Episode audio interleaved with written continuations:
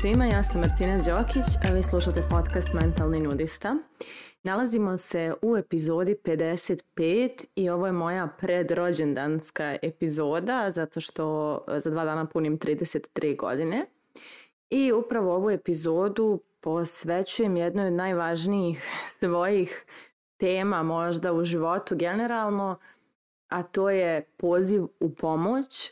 odnosno otvaranje za to da ne znamo, da ne umijemo, da,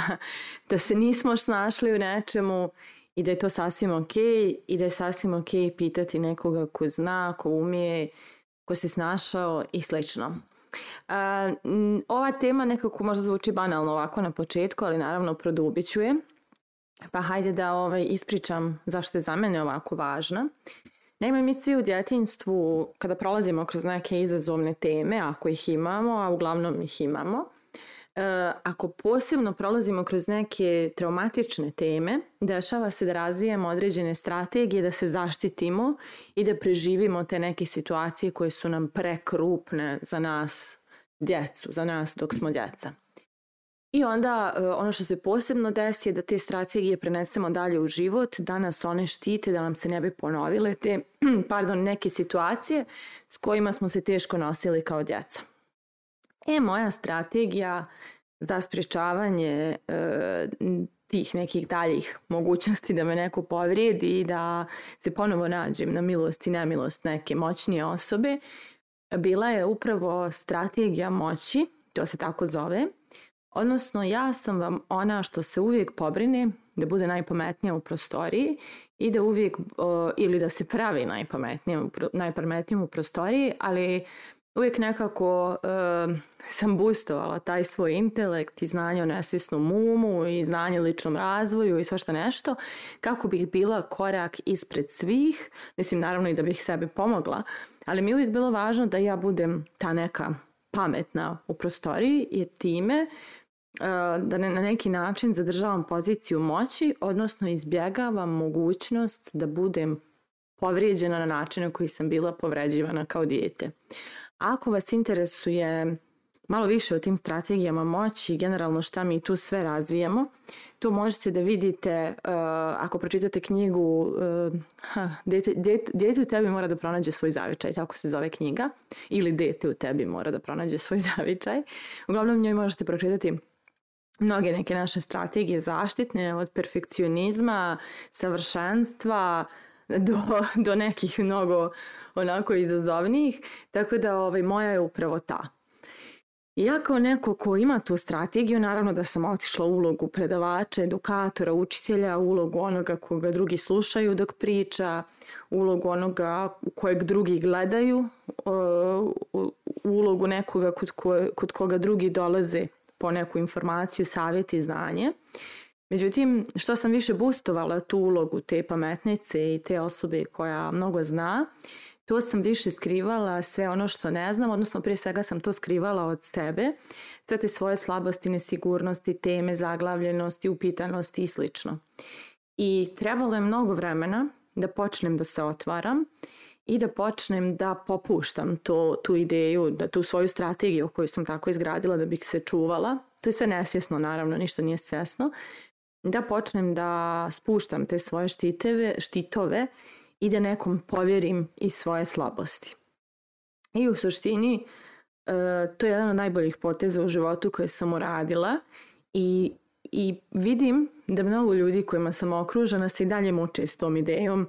da treba nekom da se otvore i povjere, pogotovo nekom stručnom. I meni je definitivno jedna od najboljih odluka ove godine bila da krenem na psihoterapiju. Pre nekoliko godina sam kretala već bila i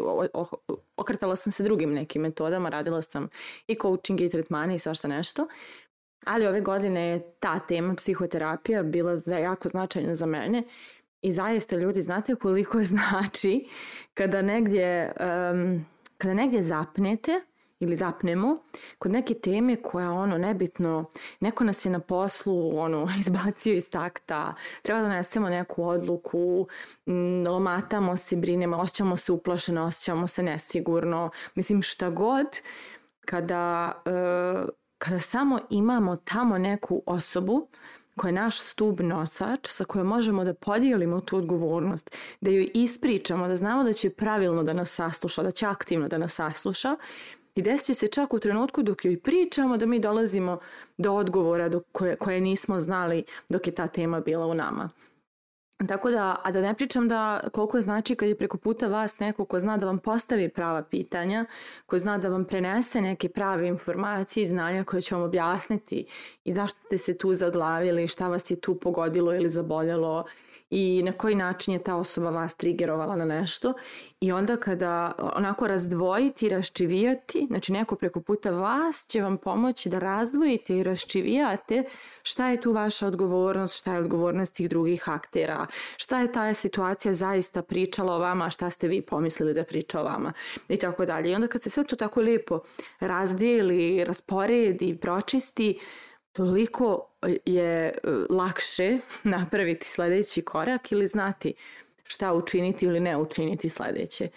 I um, no, mi smo navikli dosta na ovim prostorima da, mo, da je komplikovanost neka normalna stvar, uh, i da je prosto to, kao, kao da nekako, ja znam onu, onu izjavu što sam često slušala, kao šta ja da idem da me neko uči životu, pa i on prvi put živi taj svoj život, da li taj neko je stručan, ono, da, da razumije nesvisni um, da razumije naše igrice koje igramo nesvisno, da razumije neke uh, nedovršene procese u nama emotivne, šta nam se formiralo, šta nam se nije formiralo dok smo bili djeca, koje nesigurnosti e, nas vozaju kroz života da ni ne znamo da one vladaju nama i slično. Da taj nekako sa svoje stručne strane potpuno neutralno može da nam postavi par pitanja i da nas odvede do naših odgovora, do toga šta je naša istina, jer obično se zbrkamo kada se mnogo uh, E, različitih misli i, i mišljenja i uglova gledanja e, pomiješa u nama i onda ne znamo šta je tu naše i ko smo to u stvari mi.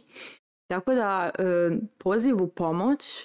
je najbolja stvar koju možete da uradite za sebe, pogotovo u ovom vremenu ovakvom kakvo je, u kojem se stalno nešto mijenja, puno neizvjesnosti, puno je tog nekog mentalnog pritiska vezanog i za zdravlje, puno je, gubit, puno je akcenta na gubicima, znači mnogo se broji koliko ljudi umrlo, šta kako. Prilično jedna vrlo toksična atmosfera vlada planetom i kao takva stvarno, znate kad psihoterapeuti sada imaju svoje edukacije za podršku, kako da oni podrže klijente, pošto ih sada jako mnogo ima, znači jako mnogo ljudi traži pomoć. I ako niste još se odlučili na taj korak u nekom od polja svog života, um, trenutak je možda da razmislite o tome, jer ja sam se dugo opirala, dugo sam sama rješavala svoje izazove, ali definitivno puno lakše, puno pametnije i puno jednostavnije je podijeliti tu odgovornost sa nekom, uh, sa nekom resursnom, zdravom, odraslom, stručnom osobom